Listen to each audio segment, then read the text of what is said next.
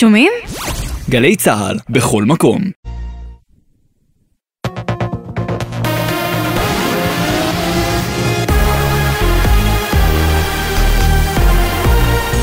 גלי צה"ל השעה שבע ערב טוב, באולפן גוני כהן עם מה שקורה עכשיו. ברקע המשבר בקואליציה סביב העברת התקציב ואיום ההתפטרות של יושב ראש יהדות התורה גולדקנופ, הדוקטור מיכאל שראל, ראש פורום קהלת לכלכלה, טוען בגלי צה"ל, הנזק שיגרם ממדיניות התקצוב של החינוך החרדי הוא בלתי הפיך. אנחנו מדברים פה על ירידה בצמיחה, גידול באי שוויון, עלייה בנטל המס ובשיעורי המס ועלייה בעוני. זה לא, זה לא מצב שבו ישראל תוכל לשגשג לאורך זמן. הנזק שיקרה כתוצאה מאי שינוי במדיניות בכיוון ההפוך אה, הוא נזק אה, שיהיה בלתי הפיך. אומר למשל בית ספר שלא לימד לימודי ליבה בכלל היה זכאי ל-55% תקצוב, ומגדילים את זה ל-100%. וראש מועצת עמנואל אליהו גפני, איש אגודת ישראל, הגיב על הטענות ואמר לעמית תומר ולשי ניב, מקווה שעם ישראל יבין שלימוד תורה ניצב בראש סדר העדיפויות. אני חייב לכבד את כל האנשי האקדמיה והכלכלנים, אבל uh, גמרא אם לא למדו, ילד שלא לא מקבל את מה שמגיע לו, לא תוכל לדרוש ממנו בעתיד את הדברים שאנחנו רוצים לדרוש ממנו. בואו ניתן כיתות תקניות ותראו את הילדים צומחים יותר טוב, אפילו לא מבקשים 100%. כל הוויכוח הוא שמבקשים 75%. ותראו שאם ילדים יקבלו תקצוב נורמלי וילמדו בכיתות נורמליות, אתם תראו שהם מייצרים כלכלה עוד יותר ממה שקורה עכשיו. צה"ל מפרסם את ליגת הערים, נתוני הגיוס והשירות בערי ישראל לפי רשויות מקומיות. עם הנתונים המלאים כתבנו הצבאי דורון קדוש. העיר מודיעין היא העיר המובילה בארץ בקרב הערים הגדולות כמעט בכל המדדים ותופסת את המקום הראשון בדירוג הכללי, בשיעור הקצונה וגם באחוזי ההשתתפות במכינות ובשנות שירות. ירושלים היא המובילה בארץ בשיעור הלחימה ואחריה בית שמש. בתי הספר המצטיינים בארץ הם ישיבת בני עקיבא בסוסיה בגברים ומקיף העמק המערבי ביפעת בדירוג הנשים. גורם בכיר בצה"ל אומר על הנתונים, גם ב-2023 מודל צבא העם קיים וחזק. בבית הנשיא הודיעו רשמית כי גם השבוע לא תתקיימנה שיחות המשא ומתן בין הקואליציה לאופוזיציה על החקיקה המשפטית. זאת על אף טענות האופוזיציה לעיכוב מכוון בשיחות. כתבנו הפוליטי יובל שגב, שהביא את הפרטים מוקדם יותר היום, מזכיר כי בקואליציה ביקשו שלא לקיים שיחות ישירות השבוע בשל חקיקת התקציב וחג השבועות. ארגון המורים הודיע לחבריו אין התקדמות במשא ומתן עם האוצר, העיצומים הנוגעים לטיולים השנתיים ומסיבות הסיום נמשכים. מדווחת כתבתנו לענייני חינוך, יובל מילר. באיגרת שנשלחה לפני זמן קצר למורי הארגון, הנחה רן ארז, יושב ראש ארגון המורים, שלא לקיים הכנות למסע לפולין. הוא הבהיר שלא יאפשר שאלה יתקיימו. עוד הורה למורים שלא לקיים מסיבות סיום בתיכונים בשכבות י' עד י"ב. הצעדים הללו ננקטים בעקבות חוסר התקדמות במשא ומתן עם האוצר על הסכם שכר חדש. בינתיים גורמים בהנהגת ההורים הארצית אומרים לנו שאומנם הם לא מופתעים מהצעדים, אך יש כעס אדיר על הפגיעה החוזרת בתלמידים. כדורסל מרבע גמר ליגת העל, מכבי תל אביב מתארחת בשעה זו אצל הפועל באר שבע דימונה במסגרת המשחק השני בסדרה, כשהצהובים מחזיקים ביתרון 1-0 מהמפגש הקודם. ובמשחק נוסף בשדרות, הפועל ירושלים תתמודד בעוד כחצי שעה נגד סגנית האלופה בני הרצליה בניסיון להגדיל את הפער בסדרה. ל-2-0, ידיעה שהעביר כתב חדשות הספורט יוסי ריס.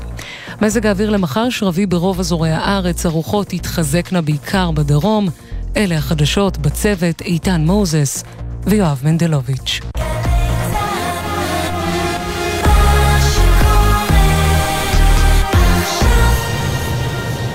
בחסות תשע ביטוח, המציע ביטוח רכב דיגיטלי בלי להתמקח עם נציג, כי ההנחות כבר באתר.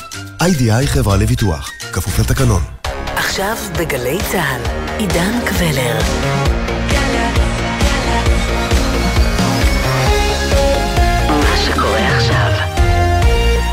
שלום לכם, מאולפן 360 ביום, ההסכת היומי של גלי צה"ל. הזדמנות מעולה לחצי שעה של העמקה, כל יום בנושא אחד שמעסיק את כולנו מ-360 מעלות.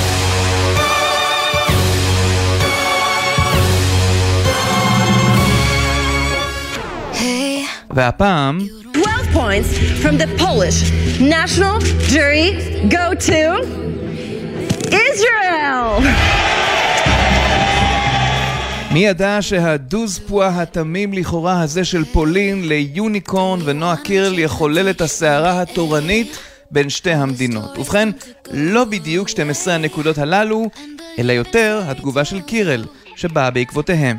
לקבל אה, עדות ספה למשל מפולין, אחרי כל ההיסטוריה של, אה, של המשפחה שלי ושל עם ישראל עם השואה, זה רגעים כאלה באמת אה, ניצחון. את התגובה הזאת שיש להניח שקירל אמרה בכוונה לטוב ולהתקדמות היחסים בין המדינות, פולנים לקחו למקום רע ורצון לחנך את קירל. נזכיר שזו לא הפעם הראשונה שורה של הצעות חוק שעניינם שכתוב ההיסטוריה או לפחות העמעום חלקם בשואה של הפולנים עומד בין המדינות בשנים האחרונות. פולנים שיתפו פעולה עם הנאצים, בהחלט, שיתפו פעולה עם הנאצים. תראה מה יאיר לפיד כתב. איך אמר יצחק שמיר? הרי אביו נרצח על ידי פולנים, הוא אמר שמבחינתו הם ינקו את האנטישמיות מחלב אימם. אי אפשר לייפות את ההיסטוריה הזאת. משרד החוץ ימליץ היום לשגריר פולין בישראל להמשיך את חופשתו בארצו ולא לחזור לישראל בשלב זה. כדאי שינצל את הזמן שהתפנה לו כדי להסביר לממשלת פולין מה משמעות השואה בעיני אזרחי ישראל ועד כמה לא נסבול זלזול בזכר הנספים ובזיכרון השואה. מאז ההתבטאויות הללו, דומה שהשתפרו היחסים ומשלחות הנוער ישובו תוך ביקור באתר פולני אחד לפחות, שמראה כמה גם הם סבלו במלחמת העולם השנייה. ועדיין, עם כל התבטאות של נועה קירל מקפיצה את משרד החוץ הפולני, כדאי שנבדוק מה קורה שם, במסע שלפנינו.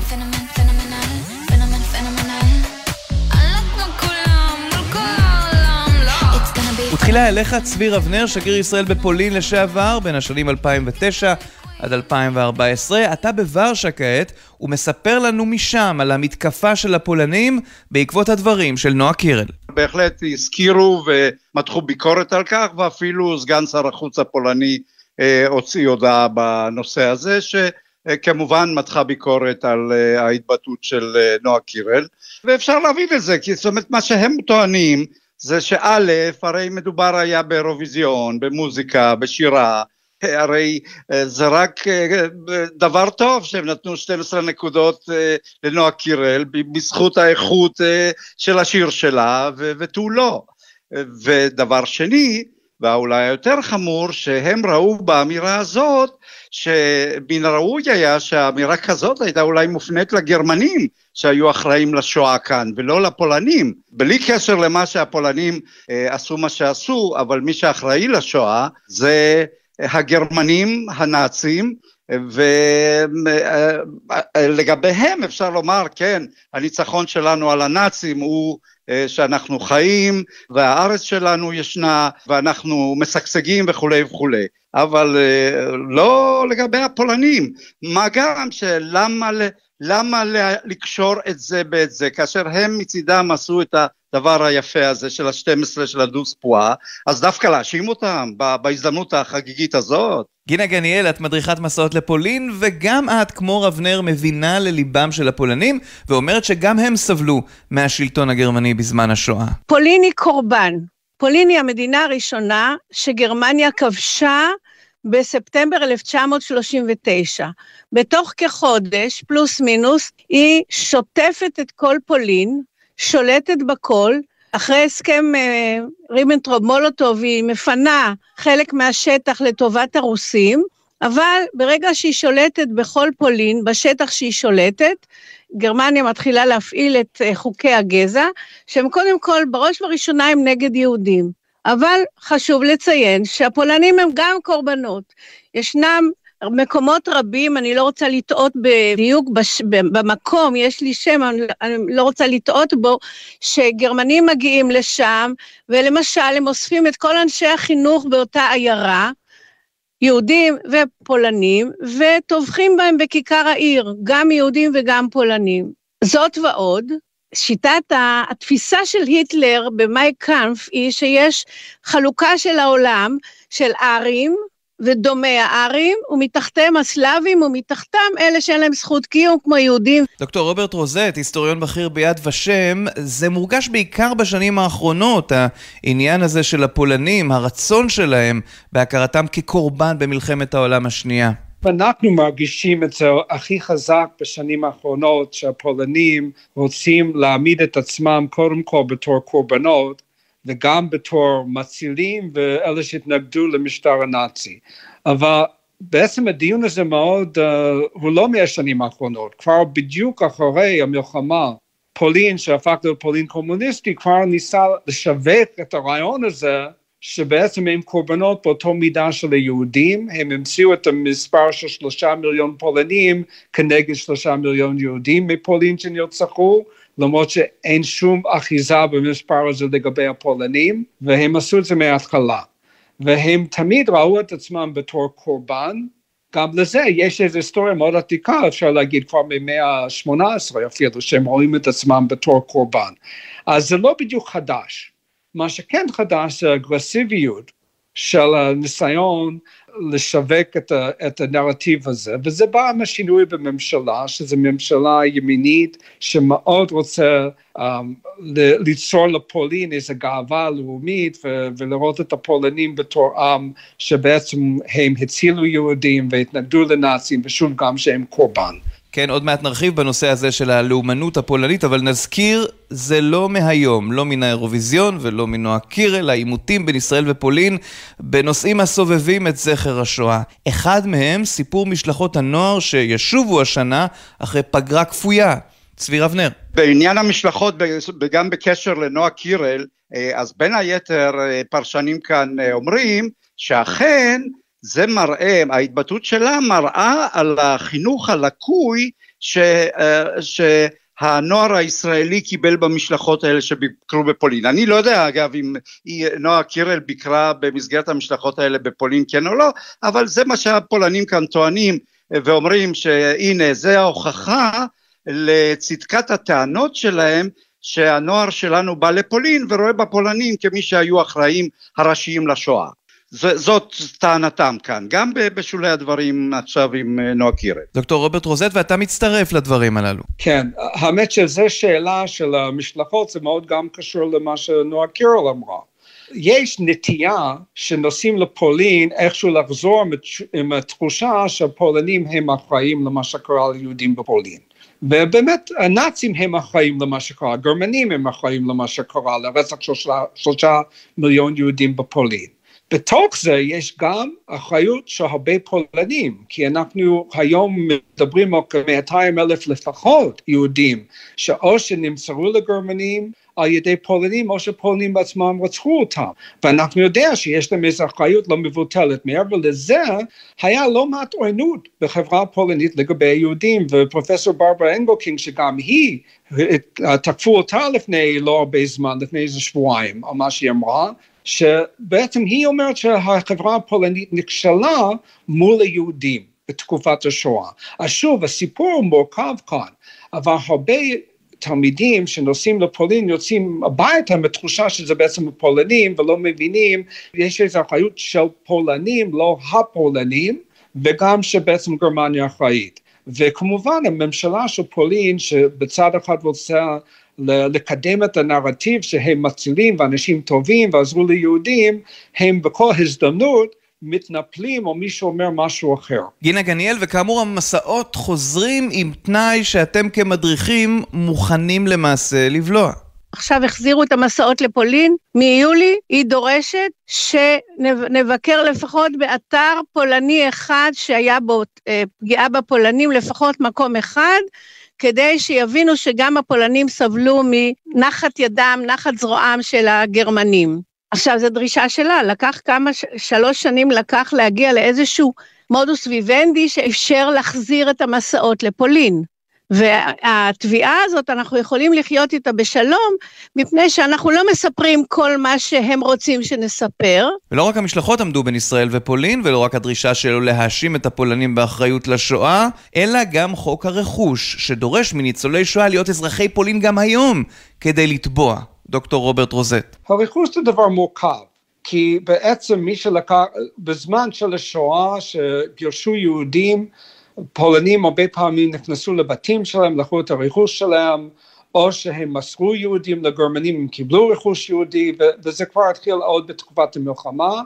תחת הקומוניסטים הרבה פעמים גם פולנים קיבלו בתים לשעבר של יהודים, והקומוניסטים עשו מה שהם עשו, זה שלטון אוטוריטרי מאוד, והם עשו מה שהם רצו. אחרי הרבה הרבה שנים יש את הבעיה שהרבה פעמים פולני שיש לו רכוש יהודי הוא לא בדיוק אשם שיש לו את זה וזה מורכב ויהודים כמובן עם, עם השינוי במשטר בפולין אחרי 1990 הם רוצים בחזרת הרכוש ולכן זה מורכב שהפולנים עד כדי כך מעמידים על זה שלא רוצים להחזיר וזה, ולא רוצים לעשות פעולות, זאת הבעיה שהם לא מוכנים בכל זאת למצוא פתרונות. אבל זה לא שחור ולבן. אז למה בעצם הם קופצים בכל פעם מחדש? מדוע הפולנים עטים על כל שבב אזכור של חלקם בשואה כמוצאי שלל רב? גינה גניאל. עכשיו בפולין יש ממשלה מאוד מאוד לאומנית. היא לאומנית ברמה שהיא מוכנה לשנות את ההיסטוריה. היא לכן חושבת שהיו הרבה יותר חסידי אומות העולם מפולין. היא לא, לא מודה בזה שהפולנים שיתפו פעולה עם, אה, עם הגרמנים בכל מיני מקומות. היא, היא ממציאה את ההיסטוריה מחדש, לכן גם פול, היסטוריונים פולנים לא יכולים לעבוד היום בחופשיות באוניברסיטאות בפולין, מפני שהם מאוימים על ידי הממשלה. יש הרבה הפגנות עכשיו בפולין של אינטלקטואלים שמבקשים להישאר ב, ב, בחופש הביטוי, בחופש המחקר, והממשלה הזאת לא נותנת להם.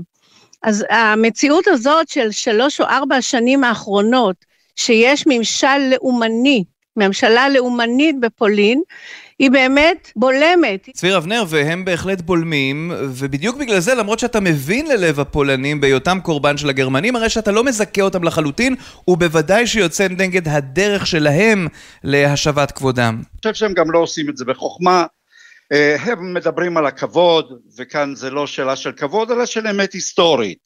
אה, הם התחילו באמת אה, ועל כך אה, גם מתחנו כולנו ביקורת על כך שהם בהתחלה ניסו להעביר חוק שמי שאומר שהפולנים שיתפו פעולה בצורה כזאת או אחרת להעמיד אותו לדין או לתבוע אותו וכולי וכולי. ואפילו בימים אלה עכשיו יש, אה, יש איזה כזה עליהום כאן אה, מטעם הממשלה, מטעם הממשלה בעיקר, שהיא די ימנית, לאומנית, נגד פרופסור ברברה אנגלקינג, חוקרת שואה, שאכן מחקריה הראו בבירור על, על פולנים רבים שאכן או הלשינו או הרגו יהודים, והם התנפלו עליה כאן בשבועות האחרונים בצורה נוראית. אה, היא אגב נמצאת כרגע בארץ וקיבלה תואר דוקטור כבוד גם מאוניברסיטת אה, תל אביב וגם מהאוניברסיטה העברית ואכן מגיע לה. בסופו של דבר הפולנים לא, לא מרוויחים מזה שום דבר לפי דעתי ואני אומר להם את זה כאן, אני נמצא כאן אה, גם בוועידה שעסקה ב-75 שנות יחסים בין ישראל לפולין ואני אומר להם את זה גם. ما, מה באמת אתה אומר להם? הם יורים לעצמם ברגל על ידי היוזמות האלה, האמת צריכה להיאמר צריך אה, כמה פולנים שיתפו פעולה וכמה פולנים אה, הצילו, צריך להשאיר את זה להיסטוריונים, ליד ושם אצלנו ולהיסטוריונים הפולנים האמיצים כאן, שיגידו מה היה, אה, איך היה. זה לא עניין לממשלה וזה לא עניין של כבוד לאומי, חבל שהם לא מבינים את זה ו- וחבל שזה גם מפריע ביחסים שלנו. ומצד שני לגבי המשלחות זה לא יהיה רע אם משלחות הנוער שלנו בנוסף על אה, לימוד והכרה של אתרי השואה ידעו לפחות קצת על מה שקרה גם לצד הפולנים. הרי אה, גדול חוקרי השואה בזמננו אה, פרופסור יהודה באואר חז, חוזר ואומר גם הפולנים היו קורבן ואפילו היו הקורבן הראשון כי הם היו הארץ הראשונה שנכבשה על ידי הנאצים. אה, אה, ולכן אה, גם הם סבלו, גם שלושה מיליון אה, פולנים לא יהודים אה, נהרגו כאן, נרצחו על ידי הגרמנים. אז את זה דווקא כן טוב שהילדים שלנו, שהנוער שלנו ידע, ושבכלל יכיר קצת קונטקסט יותר רחב של השואה היהודית שהיא כמובן אה, דבר שאי אפשר להשוות אותו לשום דבר אחר, אבל כדאי לדעת עליו. גינה גניאל, זה בעצם מוביל להכחשה ולהעלמת סיפורים חשובים, הדבר הזה שהפולנים מספרים לעצמם לצורך השבת הכבוד. פשוט הפולנים מספרים סיפור אחר, הם לא מוכנים להקשיב לסיפור האמיתי. אני אתן לך עוד דוגמה מאוד מאוד אה, חשובה שכתב עליה אה, היסטוריון פולני, על, על עיירה שבה בכלל הגרמנים היו שם 1,500 יהודים, 1,500 פולנים. הגיעו הגרמנים לשלוט בה, ממש בראשית המלחמה. באו הפולנים ואמרו, אנחנו רוצים להיפרד מהיהודים האלה.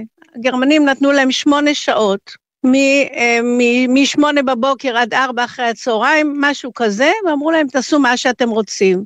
בשמונה שעות האלה רצחו כמעט 1,500 יהודי המקום, הכניסו את כולם לאסם ושרפו אותם.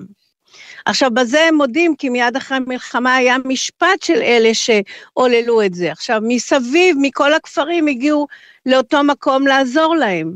אבל גם בכפרים אחרים קרו דברים דומים, ובוודאי, אם תשאל את ממשלת פולין מה היה שם, זה, העיירה נקראת ידבבנה. מה היה שם, הם לא יסכימו עם זה. הם, אה, זה משהו שהם מעדיפים למחוק אותו. עוד סיפור קטן, בשנה הראשונה שהייתי בפולין כ, בקורס מדריכים, פגשנו ברחוב בפולין, היה שם פולני שהתחיל לצעוק עלינו על יד ובנה. לא הבנו אף מילה, הוא דיבר פולנית. אבל מה, ש, מה שהסבירו לנו החברים שלנו שיודעים פולנית, שהוא אומר שתומאס הוא שקרן, ששום דבר לא נכון, והוא מקלל אותו, התומאס הזה הוא כבר לא חי בפולין. אבל הוא עשה את עבודת המחקר שלו על יד ובנה, ואלה המסקנות שלו. ועדיין, גם אם הפולנים היו קורבן של הנאצים, אנטישמיות קשה הייתה שם, ללא קשר לשואה, בשנים שלפני, תוך כדי וגם אחרי, דוקטור רוברט רוזט. מורכבת. בפולין, לפני המלחמה, וגם עוד לפני מלחמת העולם הראשונה, כמו בהרבה מקומות באירופה, יש הרבה אנטישמיות. זה לא אומר שכל אחד היה אנטישמי, היו גורמים בפולין, ליברליים, שרצו שהיהודים יהיו חלק של החברה, כמו שהיו בהונגריה כאלה וגרמניה, כל מיני מקומות, אבל גם היה הרבה עוינות לגבי היהודים והייתה מסורת של אנטישמיות שהייתה עדיין מושרשת וחזקה. בזמן של המלחמה במיוחד, במיוחד קרב יהודים שהרגישו את עצמם חלק של האומות האלה, אם זה פולנים, או אם זה ליטאים, או אם זה הונגרים, או גרמנים, או צרפתים, מתי שהחברה הייתה עם הרבה, עם הרבה עוינות בתוך החברה, ומעבר לזה, הם הרגישו בגידה. ואני חושב שזה חלק ממה שקורה כאן בכל התהליכים האלה, למה להרבה ניצולים הם כל כך כעסו על השכנים שלהם. כי אלה במיוחד שחשבו שהיו להם יחסים טובים לפני המלחמה, גילו שלא בדיוק כמו שהם חשבו והרגישו הרבה בגידה, תחושה של בגידה. השגריר לשעבר צבי רבנר? תראה, זאת, זאת שאלה מורכבת ו- ו- ולא פשוטה. אנטישמיות הייתה לפני המלחמה, הייתה גם בפולין וגם בצרפת וגם בהולנד, וכמובן שלא לדבר על גרמניה ועל הונגריה ועל רומניה וכולי וכולי, ובכל המדינות הללו בזמן השואה היה שיתוף פעולה מסוים. אה, בצרפת זה היה המשטר ובהולנד זה היה המשטר ובהונגריה היה משטר פשיסטי שהעלה את היהודים לרכבות וברומניה הצבא הרומני ש, שהרג יהודים וכן הלאה וכן הלאה.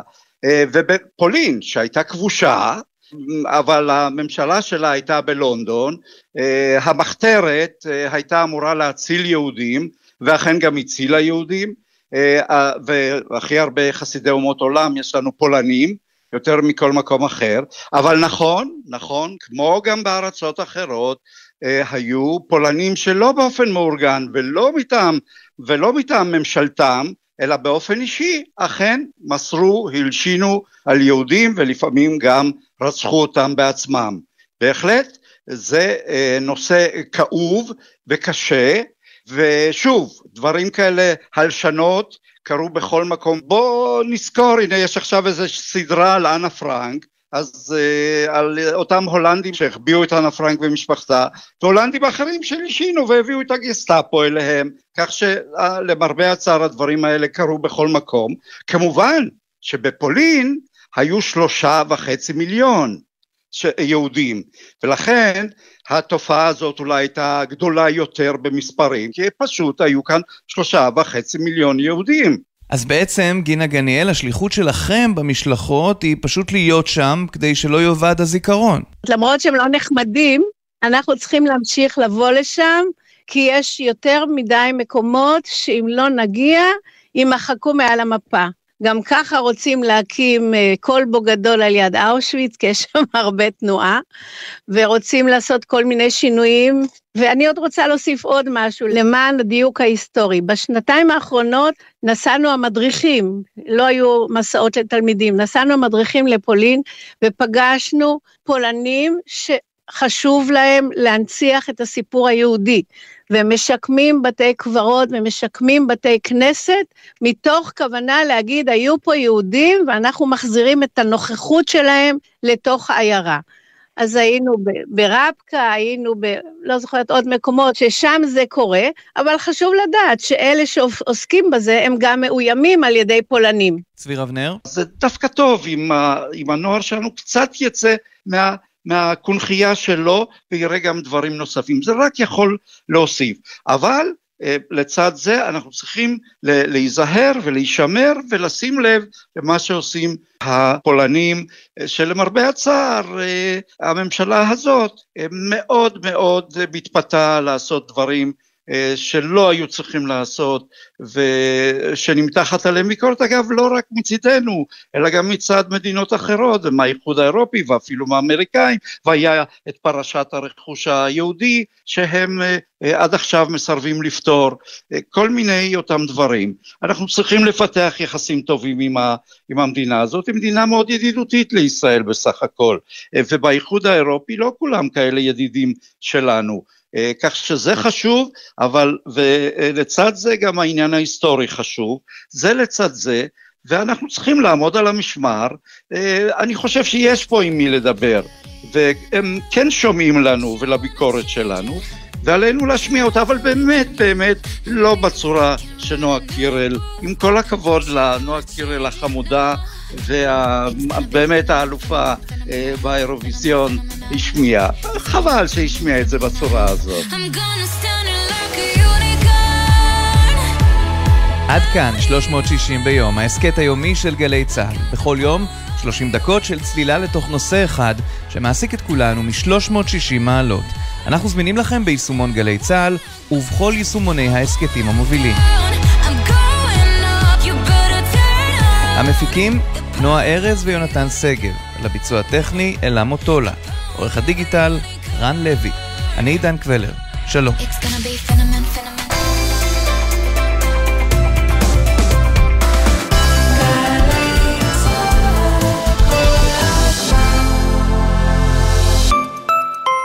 זהו, אנחנו לא נשארים יחד. הפעם זה נגמר. זה עלה לי עד כאן. מרגישים נבגדים? אל תישארו נאמנים בכל מחיר. נאמנות למותגים עולה לצרכנים ביוקר. מהיום מפסיקים להיות פראיירים ולשלם יותר. מה עושים? לא נאמנים למותגים, נאמנים למחיר. צרכנות חכמה, זה בידיים שלנו. לכלים נוספים לקנייה חכמה, היכנסו לאתר הרשות להגנת הצרכן ולסחר הוגן.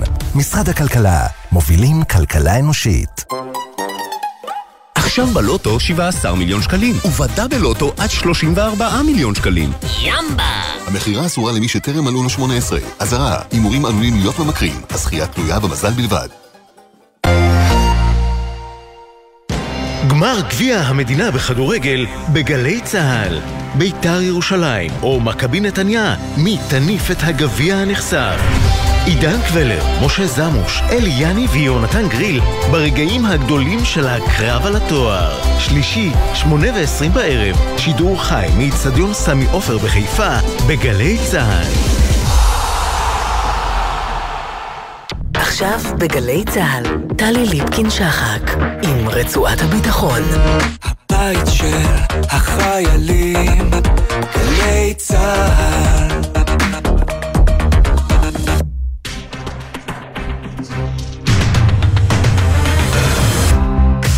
שלום לכם, ערב טוב. רצועת הביטחון הערב, ביטחונם האישי של האזרחים הערבים בישראל וההשפעה של ערעורו על יחסי ערבים יהודים. ואוקראינה, העולם המערבי ואוקראינה. פרשנות למערך כוחות כמשתקף בכינוס ה-G7 ביפן, וגם בחמות נפלה לידי רוסיה באמצעות כוח וגנר, על אופייה של הקבוצה ומה אפשר ללמוד מכך על כוחו של שליט אה, רוסיה פוטין. איתכם טלי ליפקין שחק ברצועת הביטחון. עכשיו. פותחים אה, בביטחונם אה, האישי של האזרחים אה, הערבים בישראל. הציבור הערבי יצא הבוקר לכבישים במחאה על הפשיעה. בחברה נשתק את המדינה עד שנהיה בטוחים, קראו מפגינים שיצאו מהגליל לירושלים במחאה. על רצח 80, 80 בני אדם בחברה הערבית מתחילת השנה. חסמו את מחלף לטרון, האטו את התנועה בכביש ירושלים תל אביב, זעקו. שלום לך פרופסור מוחמד וואטה, דיקן בית הספר למשפטים בצפת, חוקר בכיר במכון למחקרי ביטחון לאומי, ערב טוב לך.